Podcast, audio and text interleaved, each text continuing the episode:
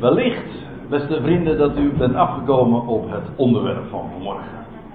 Een prachtvrouw. En de helft van dit gezelschap voelt zich natuurlijk meteen al weer uh, sterk aangesproken. Misschien. Ik wil u aandacht vragen voor een Bijbelgedeelte waarvan ik me aanvankelijk heb afgevraagd of ik het nou in één of in twee keer zou moeten behandelen. Maar ik heb er toch toe besloten om het in één keer te doen. Daarvoor is het te gedeelte te zeer een eenheid om het dan weer te gaan knippen. Een prachtvrouw. En de titel is niet ontleend aan de schrift zelf. Ook niet aan, de, aan het opschrift dat gebruikelijk is. Want als u in uw Bijbeltje kijkt, of het nou een NBG-vertaling is, hoe het in de NBV is, weet ik niet. Maar in de NBG, de Statenvertaling, staat daarboven uh, zoiets als de lof op de degelijke huisvrouw. En ik weet niet hoe u het hebt, maar als ik zo'n titel hoor, dan, dan, klinkt, dan ruikt dat een beetje jaren 50. Dan ruik ik spruitjes. Wat ik trouwens niet de, vertalers kwalijk kan nemen, want het woord degelijk, uh, dat heeft die smaak of die bijbetekenis gekregen. Van origine betekent iets wat degelijk is, is solide, duurzaam. Zodat uh, er allerlei associaties bijgekomen zijn. Maar ik heb het toch maar genoemd een prachtvrouw. Ik kom daar straks nog wel op terug. Laten we eerst eens het gedeelte in zijn totaliteit bezien. Ik heb echt alle tijd nodig om, om dit te behandelen. Ik heb een stuk of 50 dia's, dus we zullen niet aan alles even uitgebreid aandacht kunnen geven. Het is een bijbelstudie, maar ik weet zeker dat we hier ook heel veel van kunnen leren. Laat ik u eerst eens wat vertellen over dit gedeelte. En u vindt het misschien wat vreemd ingedeeld, maar deze 22 versen, vers 10 tot en met vers 31, kun je in twee delen opsplitsen. En ik heb met opzet onderin zo'n logootje gezet van de twee tafelen. En dat is niet voor niks. Waarom? Omdat de structuur van deze 22 versen overeenkomt met de stenen tafelen. Met het woord van God, het onderwijs dat God uh, heeft gegeven en dat symbool staat hè, voor die stenen tafelen. En dat is, die twee stenen tafelen zijn ook onderverdeeld in twee keer vijf. Dat geldt voor dit gedeelte ook. Deze vrouw die beschreven wordt,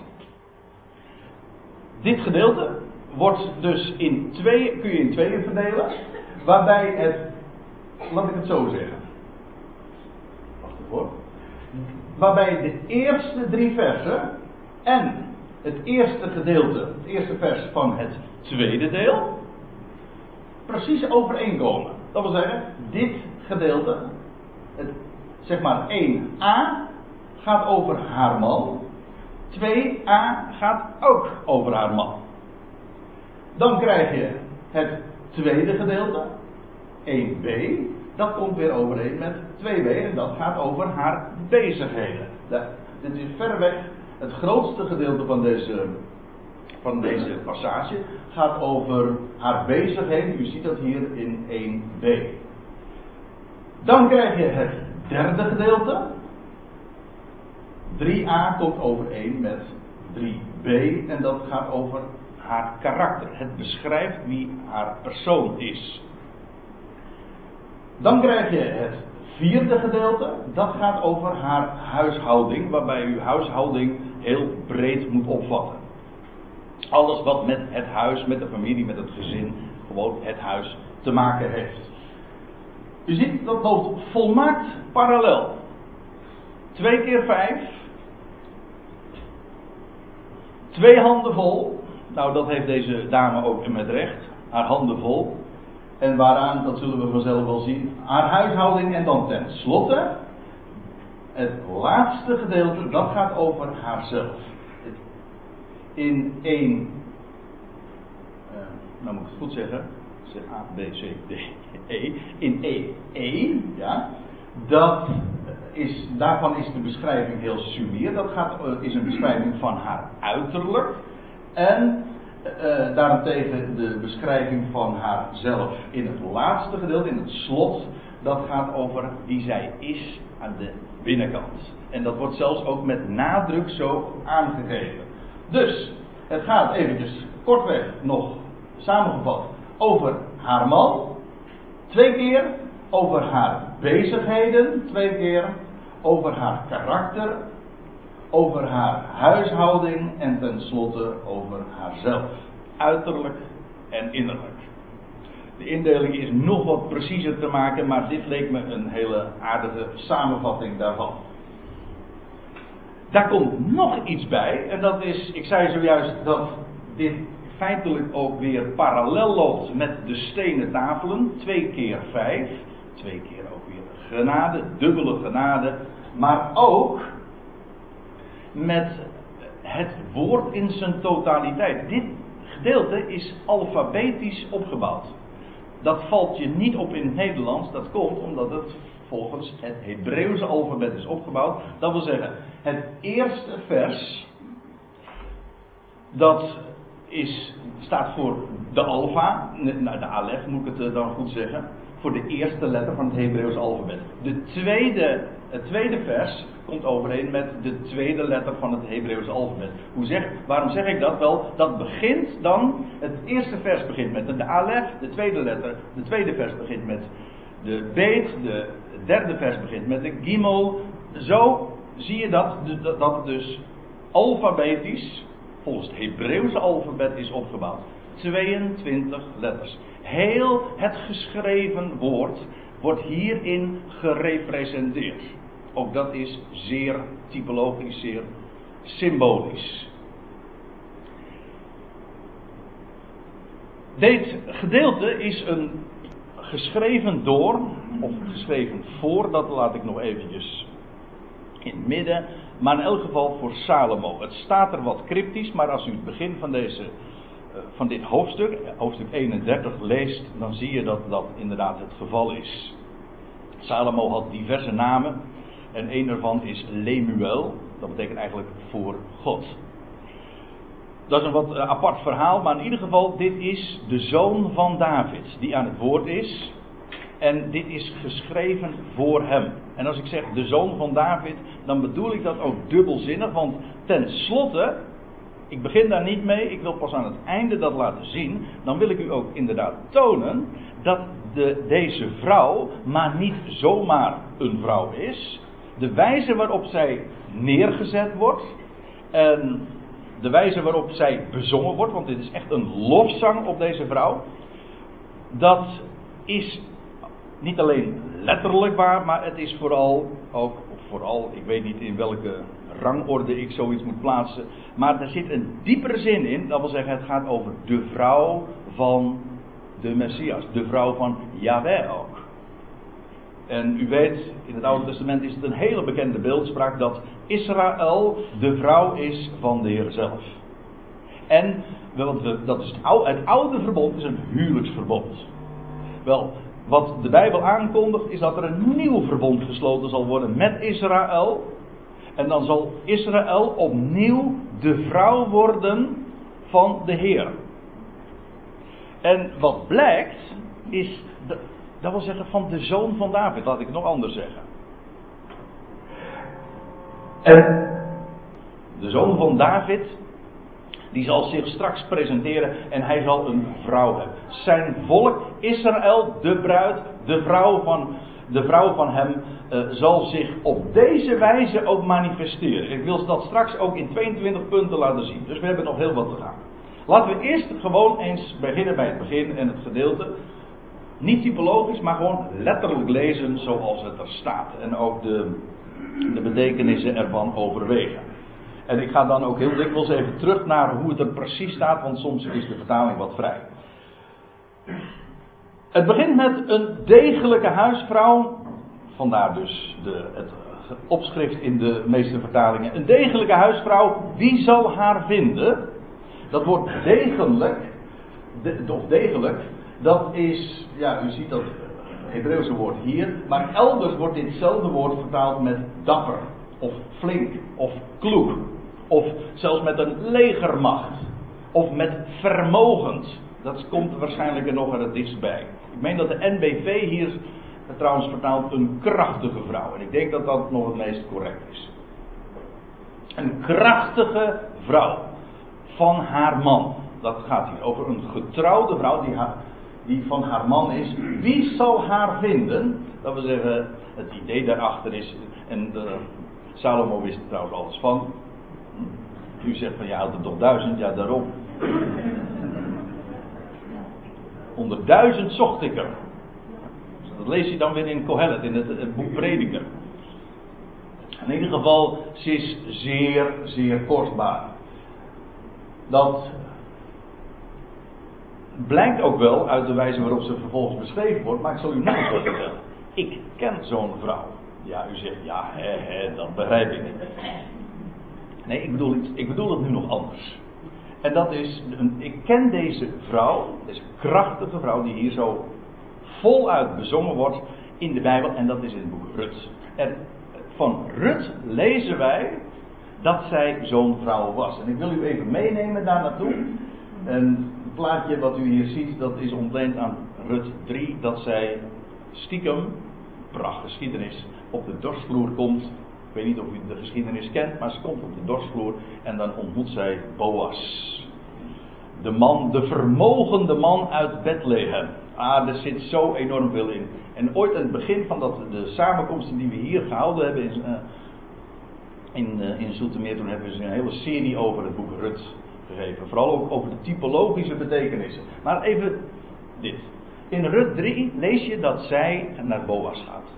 En dan staat er dat Boas tegen haar dit zegt. Nu dan, mijn dochter, zegt hij tegen haar, dat is eigenlijk een soort koosnaam. Nu dan, mijn dochter, wees niet bevreesd. Wees niet bang. Alles wat gezegd, dat zal ik, Boas, voor u gaan doen. Want ieder in de poort van mijn volk, hou hem even vast, want we komen hem straks weer tegen.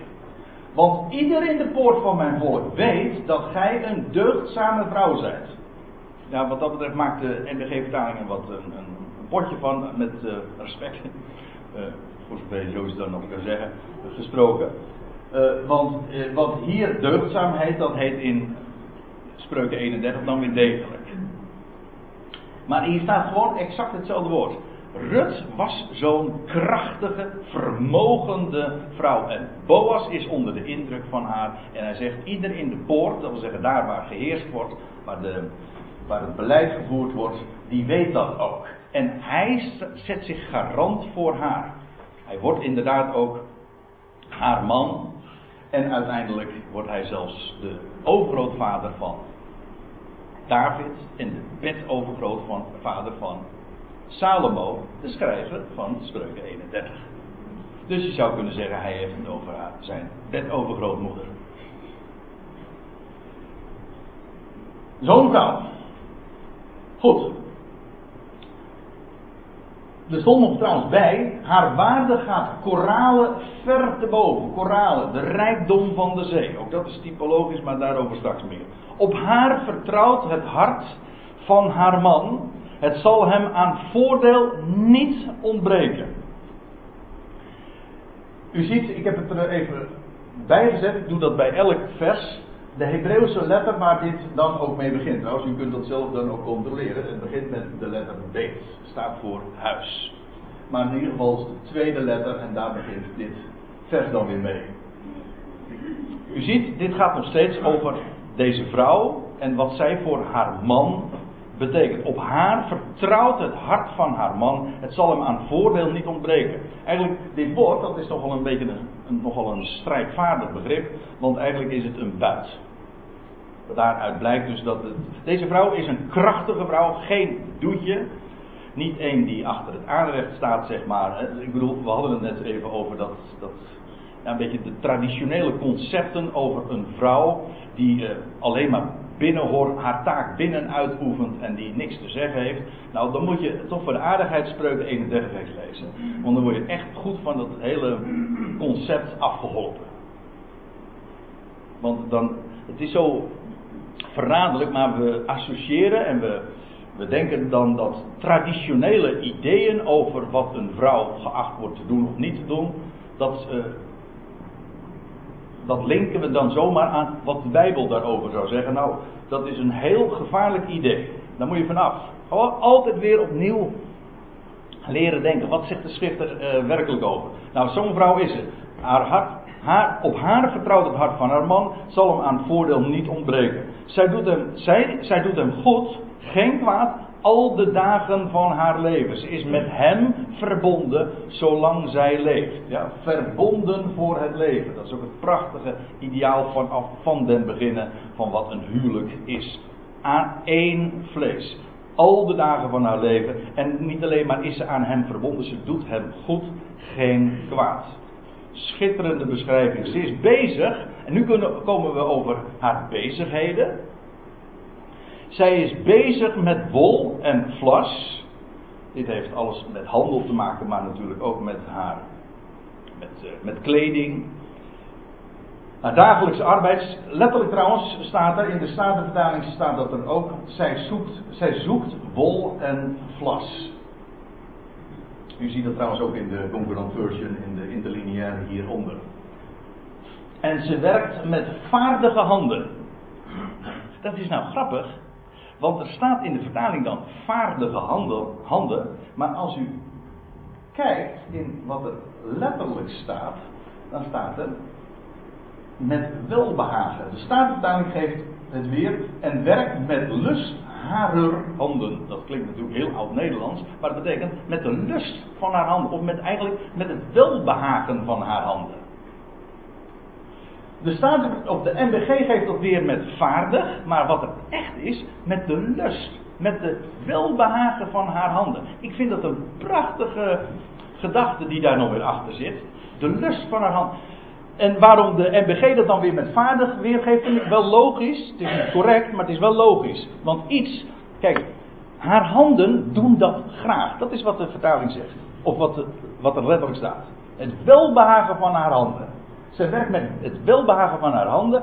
Maar de MBG vat dat dan op als vaardig. Dat klopt natuurlijk wel, die conclusie. Want iets wat je graag doet, daar ben je ook goed in. Daar, ben je daar word je ook vanzelf vaardig in. Soms vraag ik me wel eens af, want waar begint het mee? Ben je vaardig en hou je er daarom van? Of hou je ervan en ben je er daarom vaardig in? Nou ja, dat weet ik dan niet precies te beantwoorden. Maar in ieder geval, de link is onmiskenbaar. Als je ergens van houdt. Ik bedoel, het is duidelijk dat André houdt van muziek maken. Waarom? Hij is er zo vaardig in. Ja. En, en dat geldt trouwens voor alles. Dus deze vrouw die werkt met, uh, met, met welbehagen van hand. Ze doet de dingen met plezier. Met lust, met welbehagen.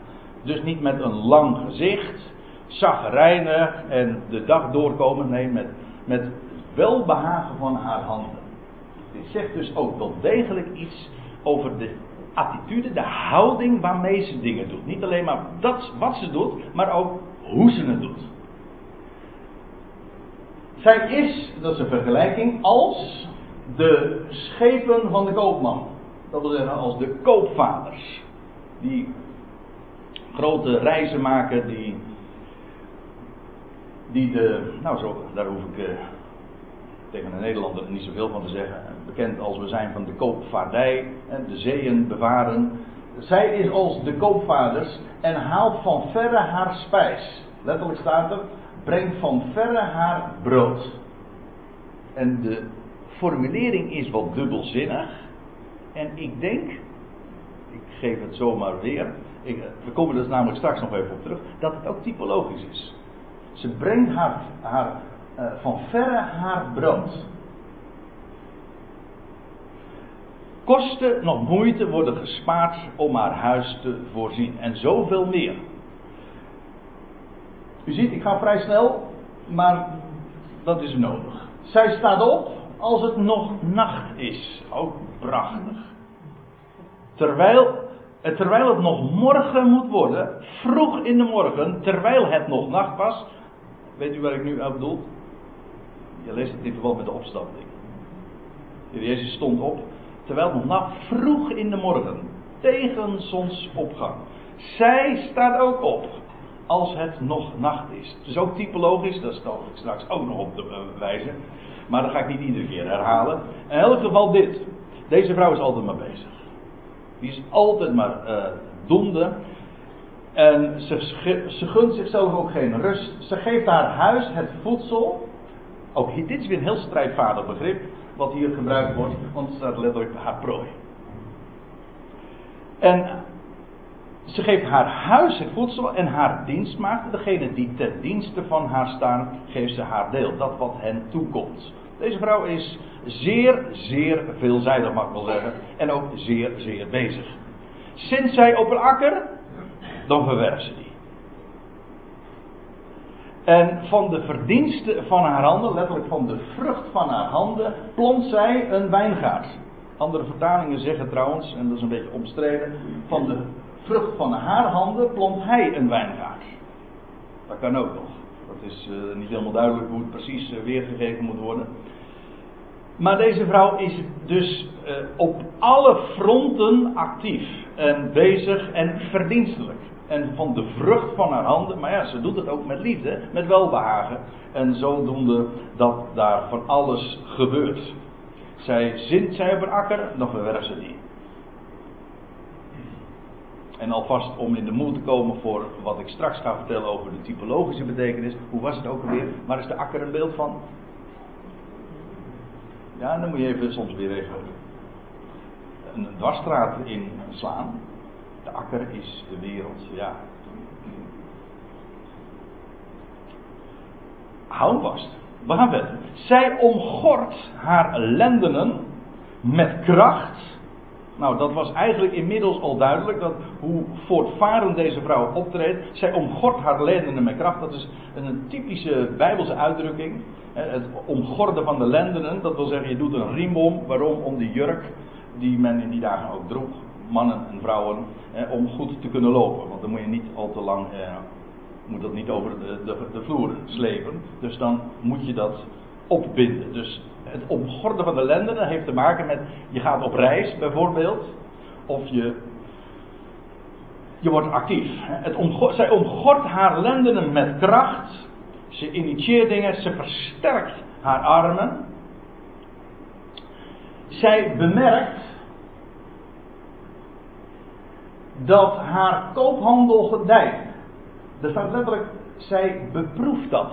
Zij test dat. Of eigenlijk in de, in de Version wordt het vertaald met she taste. Taste, test, proeven, beproeven. Dat wil zeggen, ze checkt het. Ze, is, ze initieert niet alleen dingen, ze onderneemt niet, van, eh, niet alleen van alles, ze doet van alles, maar ook ze houdt het allemaal in de gaten. Ze beproeft, dat wil zeggen, ze test het, dat haar koophandel, dat alles wat ze doet ook gedijt. En desnachts gaat haar lamp niet uit. Zelfs in de nacht is zij druk donde. En als het nacht is, dan is het in de wereld donker, maar voor haar is het licht. Ook dat is natuurlijk hier letterlijk waar, maar denk ook even aan de diepere betekenis. Zij grijpt met haar handen het spinrokken. Dat is trouwens mooi hè. Ik, eh, bij een paar gelegenheden wil ik er toch even op wijzen. U ziet hier, dit is de Hebreeuwse letter Jod. Deze, deze zin, dit vers, dit is, is dus het tiende vers in deze passage. Dat is, begint met de, met de Jod. En, dat, en een Jod, ja, dat weet u wel. De Jod is de tien. De tien ja, bij ons is het eh, een, een tientje. Maar goed, de jod is de tiende letter, maar de jod is ook een Hebreeuws woord. En dat is de hand. Kennen we ook allemaal, namelijk de jat. Jod, jat, dat hangt allemaal met elkaar samen. Maar je ziet dus, het begint met een jod, maar in het Hebreeuws begint het ook met haar handen. In het, in het Nederlands lukt dat niet, of is dat niet zo logisch, maar in ieder geval, daarom wijs ik u er ook op. Hier gaat het dus over haar hand. Zij grijpt met haar handen het spinnenrokken en dan parallel en haar handen houden de weefspoel. Dat wil zeggen dat wat nodig is voor het maken van kleden, niet alleen maar voor haar huis, maar ook voor de handel waar ze mee bezig is. Daar is ze zeer actief in. Dat doen haar handen. Ze is bezig dus met, inderdaad met haar handen. We zien dat trouwens ook nog op een andere manier. Ja, Want u ziet, dit begon met de jod, dat is het Hebreeuwse woord voor hand, maar de hand in zijn totaliteit. De volgende letter, dat is de elfde letter. Dit vers begint met de kaf. En de kaf, wat is dat? Dat is de handpalm. Dat is de binnenkant van de hand. Dus de jod is gewoon de hand in zijn totaliteit. Sommigen zeggen van bovenaf. Maar in ieder geval, de kaf is de binnenkant van de hand. Of zoals wij zeggen, de handpalm. Nou, en wat doet ze nou met de binnenkant van haar hand? Haar handen zijn al, altijd maar bezig en vlijtig en met welbehagen, zoals we zagen. Maar hier zie je, haar hand breidt zij ook uit over naar de ellendige. De palm van haar hand. De ellendige, dat eigenlijk is het de vernederde. Zij is dus ook nog zeer sociaal. Zij bekommert zich over degene die rechteloos is, of van wie de rechten zijn vertreden, degene die dus vernederd is. En daarom ellendig, maar de grondbetekenis is vernederd. Haar handen strekt zij uit naar de nooddruftige. Nou, dat is wel heel oud-Nederlands. Een nooddruftige, dat is gewoon behoeftig. Degene die tekort komt. Degene die niet heeft. En daar is zij mee begaan. Dus haar handen zijn niet alleen maar bezig voor haar huis. Haar handen zijn niet alleen maar bezig voor de handel. Mooi woord, handel. Maar ook de, haar handen zijn bovenal, en dit beschrijft ook haar karakter, niet alleen maar haar bezigheden, haar karakter. Zij ontfermt zich actief met haar handen over de ellendige, de vernederde en over de behoeftige. Die geeft zij. Want dat is waar die hand ook voor staat. Dat waar je mee kunt geven. De vijf. Heeft ook weer te maken met genade. Geef me de vijf.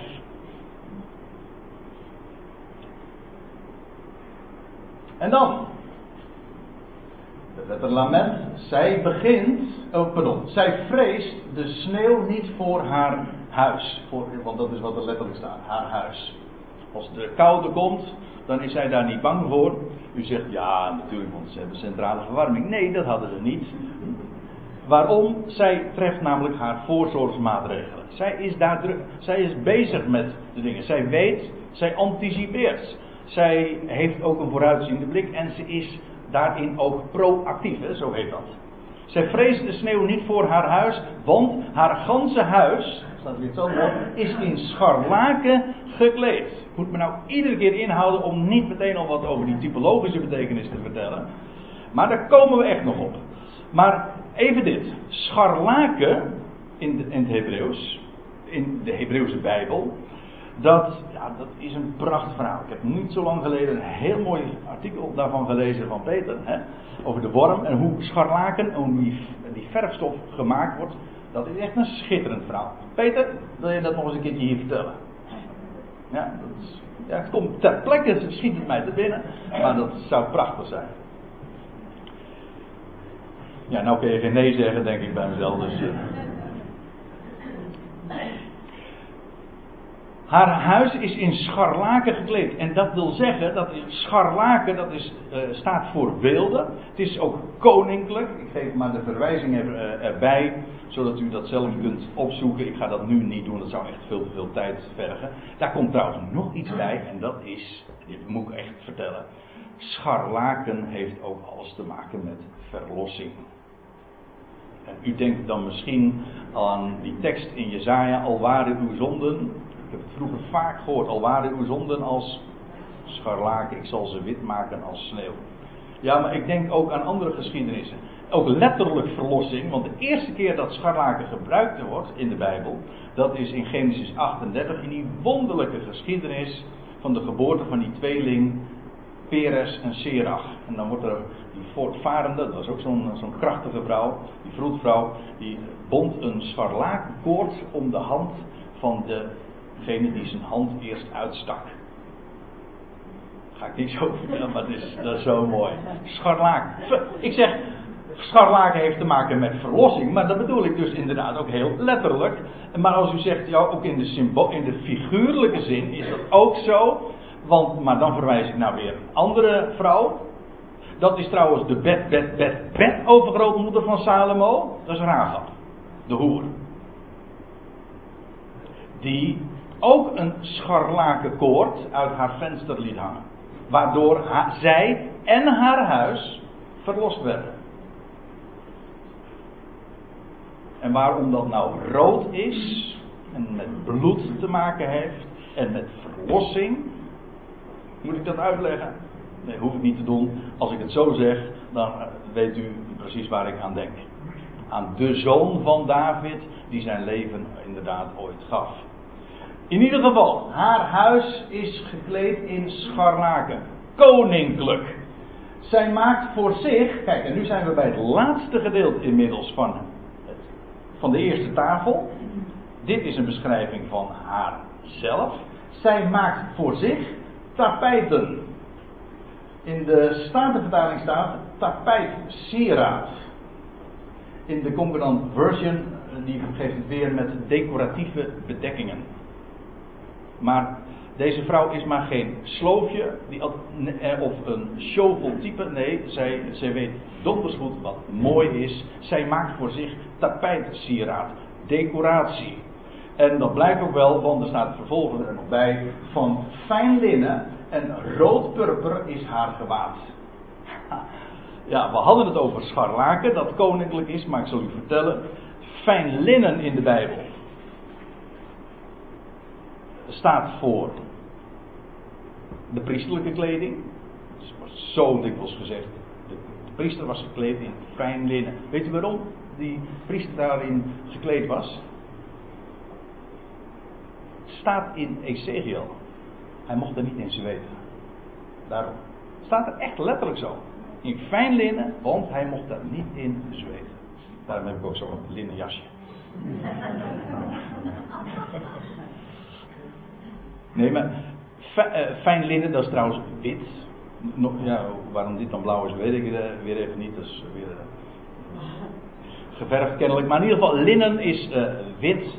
Fijn linnen is een priestelijke kleding. En purper daarentegen is weer echt typisch koninklijk. Je leest dat in Esther 8, vers 15, maar op meer passages. In meer passages kom je dat ook tegen. Purper is paars. En paars is eigenlijk een combinatiekleur, namelijk van rood en blauw. Rood, de aarde, blauw, de hemel. En je denkt dan aan hij, hem die combineert, die verenigt hemel en aarde tezamen. Dat is paars, purper, koninklijk. De middelaar, hij die één maakt. Ik geef toe, als ik al die associaties hier zo geef, dan kan het soms zijn dat u zegt van nou dat vind ik er erg ver gezocht. Maar laat ik u dit zeggen, hier, fijn linnen, rood-purper is in elk geval voor degene die Hebreeuws daarin denkt, staat absoluut voor priesterlijk en voor koninklijk. Haar huis is, nee, het gaat hier niet over haar huis, maar over haarzelf. Zij zelf is gekleed priesterlijk en koninklijk. Dat is haar gewaad. Gedecoreerd. Mooi. Goed. En dan gaan we naar de tweede tafel. En dan beginnen we in wezen dus weer van vooraf aan. Namelijk begint het weer over haar man. Haar man is bekend in de poorten. De poort in de Bijbel staat voor heerschappij. Dat is niet zo moeilijk. Dat moet je weten als je leest van iemand die in de poort zat. Vooral zitten, een zitting neemt in de poorten. Dan wil dat zeggen, daar in de raad daar waar de besluiten genomen worden. Dat is ook niet zo moeilijk, want in de poort, dat is waar de ingang en de uitgang is. Als je wil weten, daar waar beheerst wordt wat er inkomt en wat er uitgaat of weer uit moet, wel dat, daar gaan zij die in de poort zitten over. In de poort zitten wil dus zeggen heerschappij uitoefenen. Van Boas lezen we, lezen we ook dat hij in de poort van Bethlehem zat, in de poorten. En soms lezen we het ook van iemand die er helemaal niet had hoeven moeten zitten. Bijvoorbeeld van Lot die in de poorten van Sodom zat. Dat was niet zo slim van hem. Ja, Sodom, ja. Haar man is bekend in de poorten. Als hij neerzit, de parallelzin, dat is typisch Hebreeuws, hè. Maar eh, weet je wat ik, mag ik er even tussendoor even misschien bij zeggen. Uh, parallelisme, dat wil zeggen twee parallelle zinnen, wil niet zeggen dat iets dubbel gezegd wordt, zomaar een herhaling. Nee, het geeft ook vaak weer andere bijzonderheden. Het is maar geen zinloze herhaling, het is geen stijlfiguur die feitelijk helemaal geen uh, praktisch nut heeft. Nee, het is wel degelijk ook uh, een parallele zin, zoals hier. Haar man is bekend in de poorten. Als hij neerzit in het midden van de oudste des lands, dan is dat ook een nadere uitlegging of een toelichting. Het geeft ook weer andere bijzonderheden, andere accenten. Hij zit neer te midden van de oudste van het land. Ik zal straks ook daar nog wat meer over vertellen. Zij vervaardigt, hier gaat het dus weer over, begon met haar man, nu gaat het weer over haar bezigheden. In het tweede gedeelte is daar kort over. Zij vervaardigt linnenkleding. Zij maakt het dus ook met recht. Ze, is niet alleen, ze doet niet alleen haar huis erin kleden. Ze is niet zelf alleen gekleed in linnen. Maar zij maakt het ook. En bovendien, ze verkoopt het. Het, allemaal, het onderstreept allemaal hoe actief, hoe geweldig deze vrouw ook bezig is. En uh, zij vervaardigt fijn linnen, verkoopt die. Aan de koopman levert zij gordels, riemen. Kracht en luister is haar gewaad. Zojuist zagen we al iets over haar, over haar kleding, over haar decoratie, letterlijk. Hier eh, wordt eh, meer gewezen over haar, heel, over haar houding, over dat wat zo sprekend is voor haar. Kracht en luister is haar gewaad. Kijk, word je nou gekarakteriseerd door je mooie kledij? Of straal je juist dit uit? Dit heeft iets te maken met dat met recht uitstraling, met dat wat van haar uitgaat. Wat gaat van haar uit? Wat zie je van haar? Je hebt dat van mensen die inderdaad dit uitstralen, die dit als gewaad hebben. Die, bij, bij wie je dit ook in, in eerste optreden al meteen duidelijk is. Kracht. In het Hebreeuws is dat as. Os, as. We kennen dat trouwens ook weer van Boas. Ja. In hem is kracht, betekent dat. En waarom noem ik die naam? Wel, dat is die echtgenote van die krachtige, degelijke vrouw. Kracht en luister is haar gewaad. Luister heeft te maken, dat is het Hebreeuwse woord hadar, dat is heerlijkheid, glorie. Zowel krachtig als heerlijk, glorieus is haar optreden, haar gewaad. Bij wijze van spreken, want het is natuurlijk geen letterlijk gewaad. En de komende dag, misschien vind ik dat, dit vind ik een van de mooiste, dat is persoonlijk, een van de mooiste beschrijvingen, van, of onderdelen in de beschrijving van dit hele gedeelte. De komende dag, de dag die van morgen, lacht zij toe. Dit is een vrouw die optimistisch is. Dit is een vrouw die hoop heeft, verwachting heeft. Vandaar ook de komende dag, die lacht ze toe. Dit woord lachen, dat kennen we. Dat wil zeggen, het is in het Hebreeuws uh, sagak. En dat kennen we dan nog weer in Yitzchak. Wat we dan in het Nederlandse hier uh, hebben gemaakt tot Isaac. Dat lijkt er nauwelijks nog op, maar u moet weten, Isaac is eigenlijk in het Hebreeuws Yitzchak. Zoals je dat uh, in de krant nog wel eens een keertje leest. Bijvoorbeeld uh, de overleden minister in Israël, Yitzchak Rabin bijvoorbeeld. Yitzchak. Maar dat betekent lachen.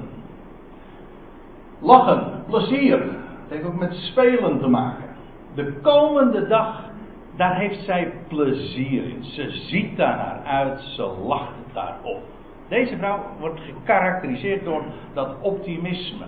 Zij doet vandaag de dingen met vreugde, met welbehagen. En morgen,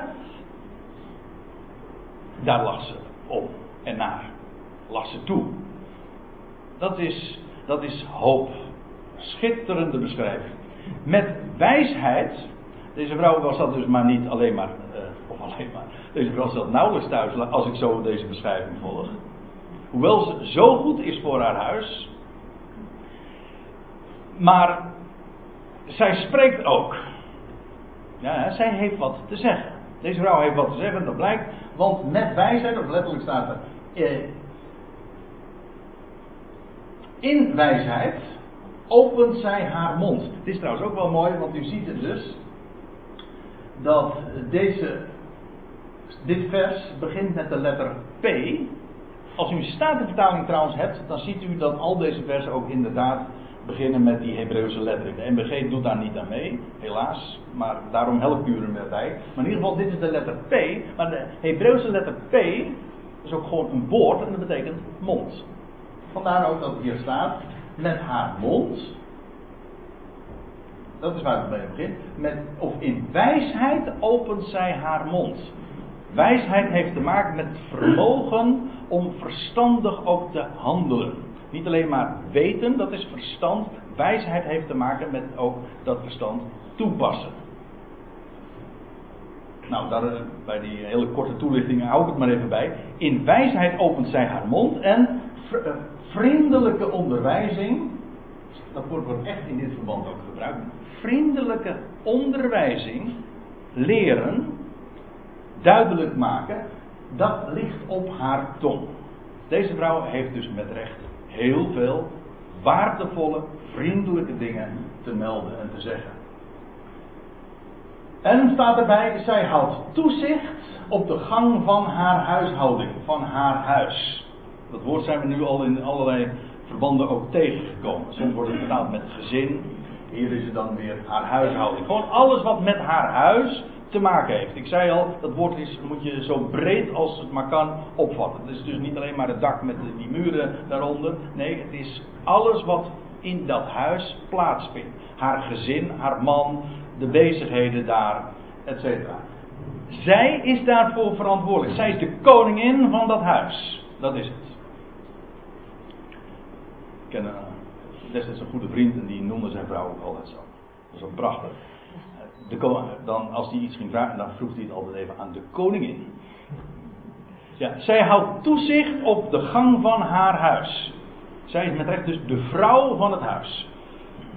En het brood der traagheid eet zij niet. Altijd vlijtig, altijd bezig. Haar zonen, die staan op en prijzen haar gelukkig. Mijn vader placht vroeger altijd te zeggen: als je wilt weten hoe en wie iemand is, dan moet je dat niet vragen aan de collega's of aan de buren of aan een, een kennis. Nee, dan moet je vragen dat aan iemands huisgenoten. De man, de vrouw, de kinderen. Als je wil weten echt hoe iemand is, dan zulke mensen kunnen dat met recht ook zeggen. Nou, als van deze vrouw gezegd wordt, haar zonen staan op, ja, die staan op voor haar, ik vat dat zo ook, ook, ook op, haar zonen staan op en ze prijzen haar gelukkig. Dat wil zeggen, ze prijzen haar waarom? Omdat ze zo gelukkig is. Zo, ja, je kunt het uh, op allerlei manieren opvatten. Maar in ieder geval, zij is zo geweldig gelukkig. Hier wordt het Hebreeuwse woord voor geluk, asher, gebruikt. En staat er ook bij, ook haar man roemt haar. Hier staat eh, in dat roemen, dat komen we in de psalmen heel dikwijls tegen met hallel. Hè? Halleluja, dat is dan het, eh, de, de, de Heer, of Yahweh, wordt geprezen. Maar hier is het het loven of prijzen uh, van deze vrouw. En wie doet dat? Haar man. Haar zonen prijzen haar gelukkig en haar man die roemt haar. Zo. En staat erbij, veel. Ja, wacht even, nu moet ik er nog iets bij zeggen, want je zou zomaar iets kunnen ontgaan. Uh, hier staat een dubbele punt, dat is terecht. Dat wat nu gaat volgen in de laatste verse, dat is. Hier in de volgende vers zouden dus de aanhalingstekens openen. Dit is, zijn woorden van de man van deze krachtige, vlijtige, geliefde. Nou, wat moet ik er nog meer over zeggen? Vrouw. En wat zegt haar man dan over haar? Haar man roemt haar. Hij prijst haar. En dan zegt hij: Vele dochters gedragen zich wakker. Dochters is niet, hoeft niet per se letterlijk te zijn. Maar eh, wat trouwens ook nog opmerkelijk is: vele dochters gedragen zich wakker. Dit woord wakker. Ik zei zojuist dat de NBG soms zo verschrikkelijk discordant is. We zagen al dat het Hebreeuwse woord. Eerst in vers 10 wordt vertaald met, met degelijk. We zagen in Rut 3 dat het vertaald wordt met deugdzaam. En hier wordt het vertaald met wakker.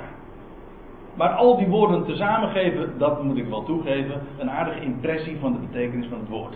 Kloek, wakker, degen, degelijk, krachtig, vermogend. Vele uh, dochters uh, doen, gedragen zich wakker. Maar, zegt deze man, deze, deze echtgenoot, hij hij heeft haar. Zij, is zijn kostbaar bezit. Want dat klinkt misschien wat vreemd, maar u, het, is u misschien al een paar keer opgevallen als u de interlineair meeleest. Dan is de man, sorry de, uh, dames feministen, maar de man in het Hebreeuws, de husband in het Engels, dat is eigenlijk haar eigenaar. Dat is, dat is het Hebreeuwse woord, haar eigenaar. Maar dat is niet haar dictator, maar dat is degene die haar bezit als een kost, zo begon het ook, hè, als een kostbaar koraal. Die, zo, die haar mag hebben, maar die zo zuinig op haar is, die zo blij is met haar. En dat, het is met recht zijn schat. En hij bezit die schat. Ja, als ik het zo zeg, dan uh, denk ik dat ik het aardig weergeef. Vele gedochters gedragen zich wakker, maar gij overtreft haar allen. Dat wil zeggen, zij is dus minder met recht dus de, de overstijgende, de overtreffende trap. En dan staat er in vers 30. Nog steeds woorden van deze man, van deze vrouw. Bedriegelijk is de bevalligheid. Ijdel de schoonheid. Bedriegelijk wil zeggen, het is, het is echt, hier staat ook het Hebreeuwse woord voor bedriegelijk, vals, is de bevalligheid. Waarom is het uh, zo vals. Is bevalligheid een foute eigenschap? Helemaal niet. Daar gaat het niet om, maar het is wel bedriegelijk. Want de buitenkant zegt namelijk niets over de binnenkant. Ook het boek Spreuken zegt daar nog eens een keertje wat over. Als ik een, uh, een, bijvoorbeeld een woord mag citeren, dat misschien niet zo heel erg uh, liefelijk is, maar daar staat in het boek Spreuken, dat is echt het absolute contrast. Als een gouden ring in een varkensnuit, zo is een mooie vrouw zonder verstand. Kijk, dat, is nou, dat geeft precies aan ook waarom het bedriegelijk is. Het, een mooie verpakking wil nog niet zeggen dat het cadeau zo, zo mooi is. Ziet u? Dus het is bedriegelijk. Het zegt niet iets. De buitenkant zegt niet per definitie iets over de binnenkant. Als dat wel zo is, ja, dan is het natuurlijk gewoon ornament. Dan is dat versiering. Dan is dat typologisch. Maar vergis je er niet in. En eigenlijk de hele wereld, ja, alles gaat af op de ogen. Toch? Kijk maar in de glossies, de magazines. Alles gaat. Er moet, het, het moet mooi voor het oog zijn.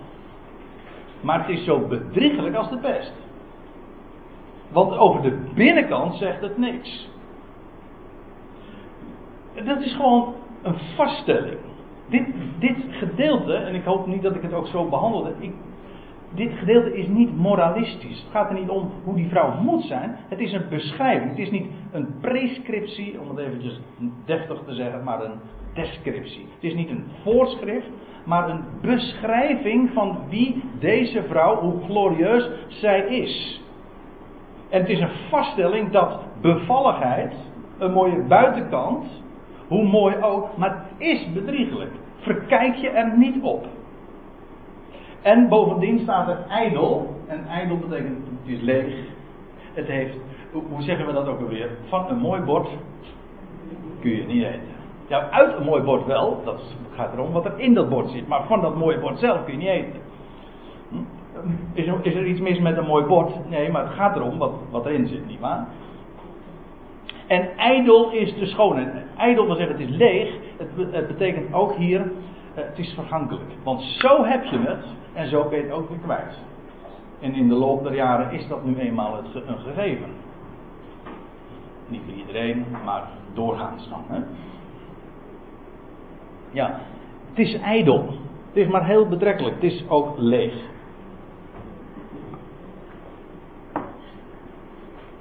Maar, en nu komt de tegenstelling, bedriegelijk is de bevalligheid, ijdel de schoonheid, maar een vrouw die de Heer, die Yahweh vreest, die is te prijzen.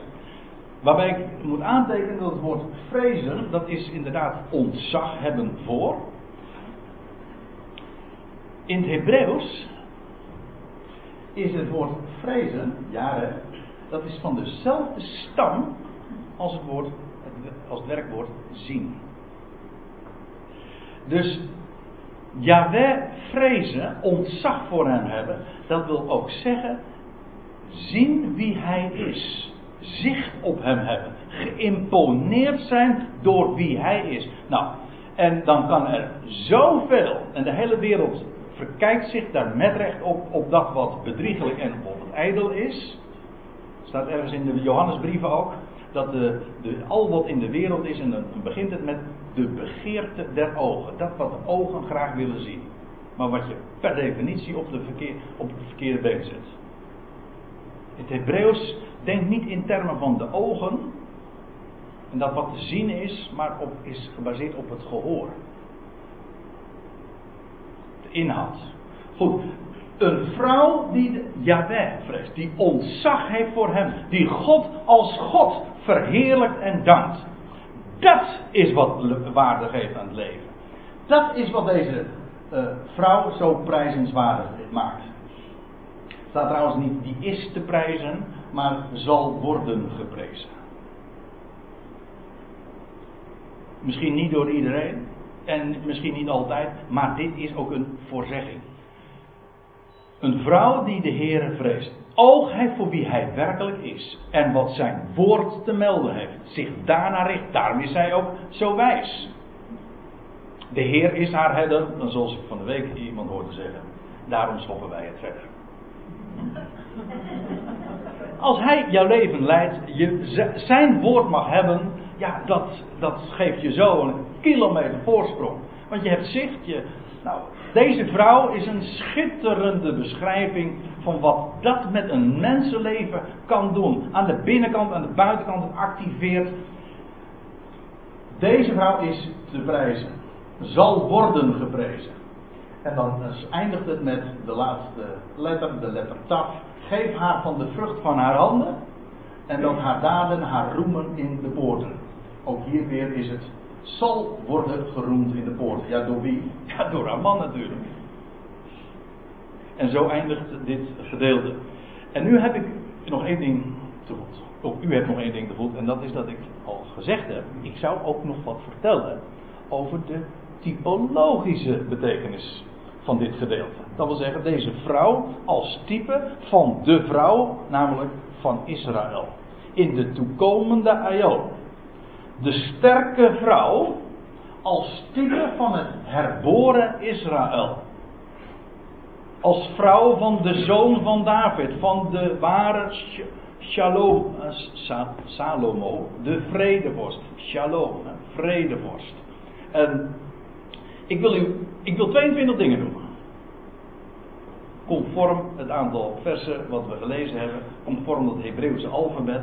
En ik ga ze snel zo de revue laten passeren.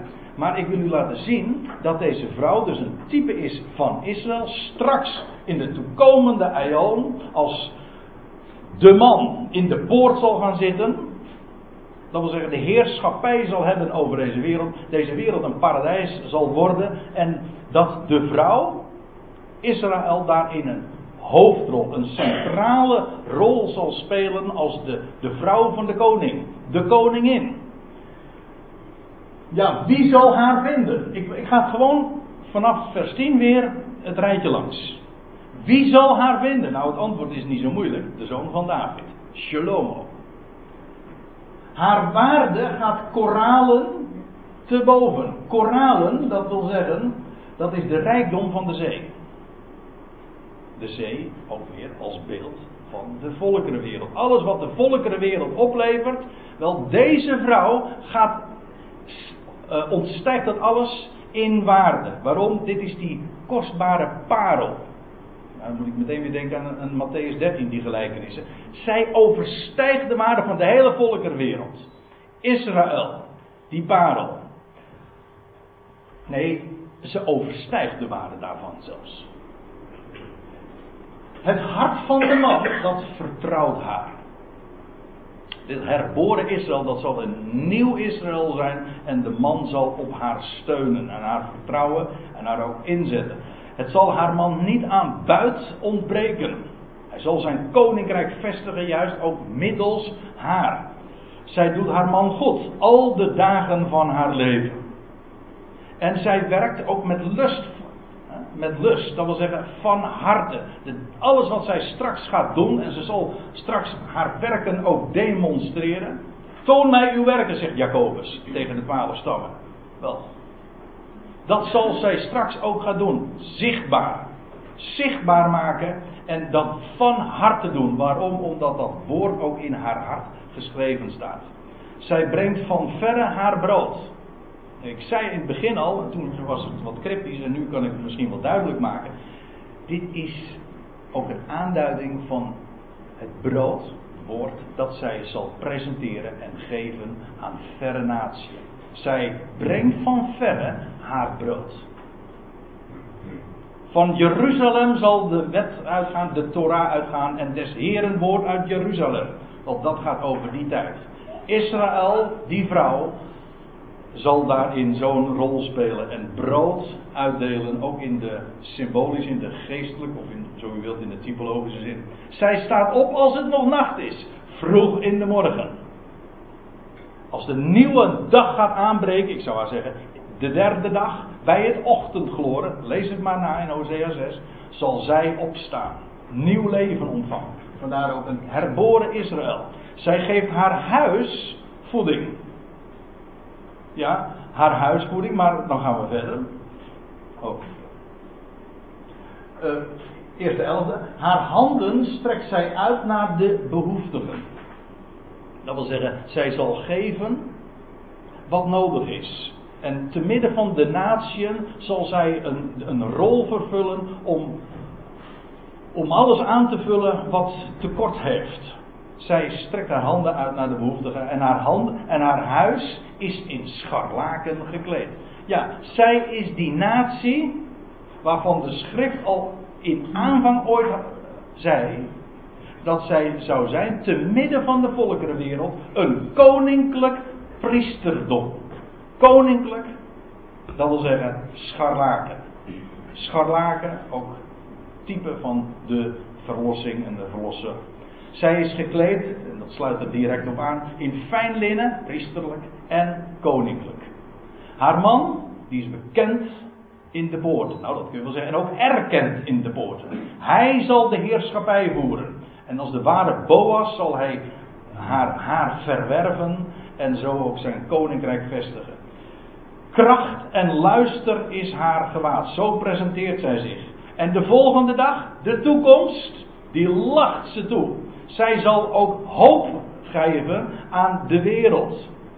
Kijk, wij leven nu nog in de boze aion. En als straks God de draad gaat oppakken met Israël, dan gaat hij via dat volk hoop geven, verwachting voor de hele volkerenwereld. Niet bij wijze van spreken, nee, concreet. En, en, en uh, het zal gekenmerkt worden door feestvreugde. Die hele dag trouwens, die hele toekomende aion is een dag van vreugde. De bruiloft van het lam, weet je dat ook? Waarin, u weet het, op de derde dag wordt er water geschonken en, en dat water wordt wijn. Ja, ik zit nou een heleboel bijbelgedeelten door elkaar te halen, maar voor de goede verstaande. De volgende dag lacht ze toe. Schitterend. In wijsheid opent zij haar mond. Ze spreekt het woord van haar man ook. En vriendelijke onderwijzing is op haar tong. Zij houdt toezicht op haar huishouding. We spreken wel over het huishouding, de huishouding van de genade nu. Wel, Israël is ook een huishouding gegeven, namelijk van het koninkrijk. En daar houdt ze toezicht op. En haar zonen, de zonen Israëls, ze prijzen haar, dat volk, gelukkig. En bovenal haar man roemt haar. Haar man met een hoofdletter uiteraard iedere keer.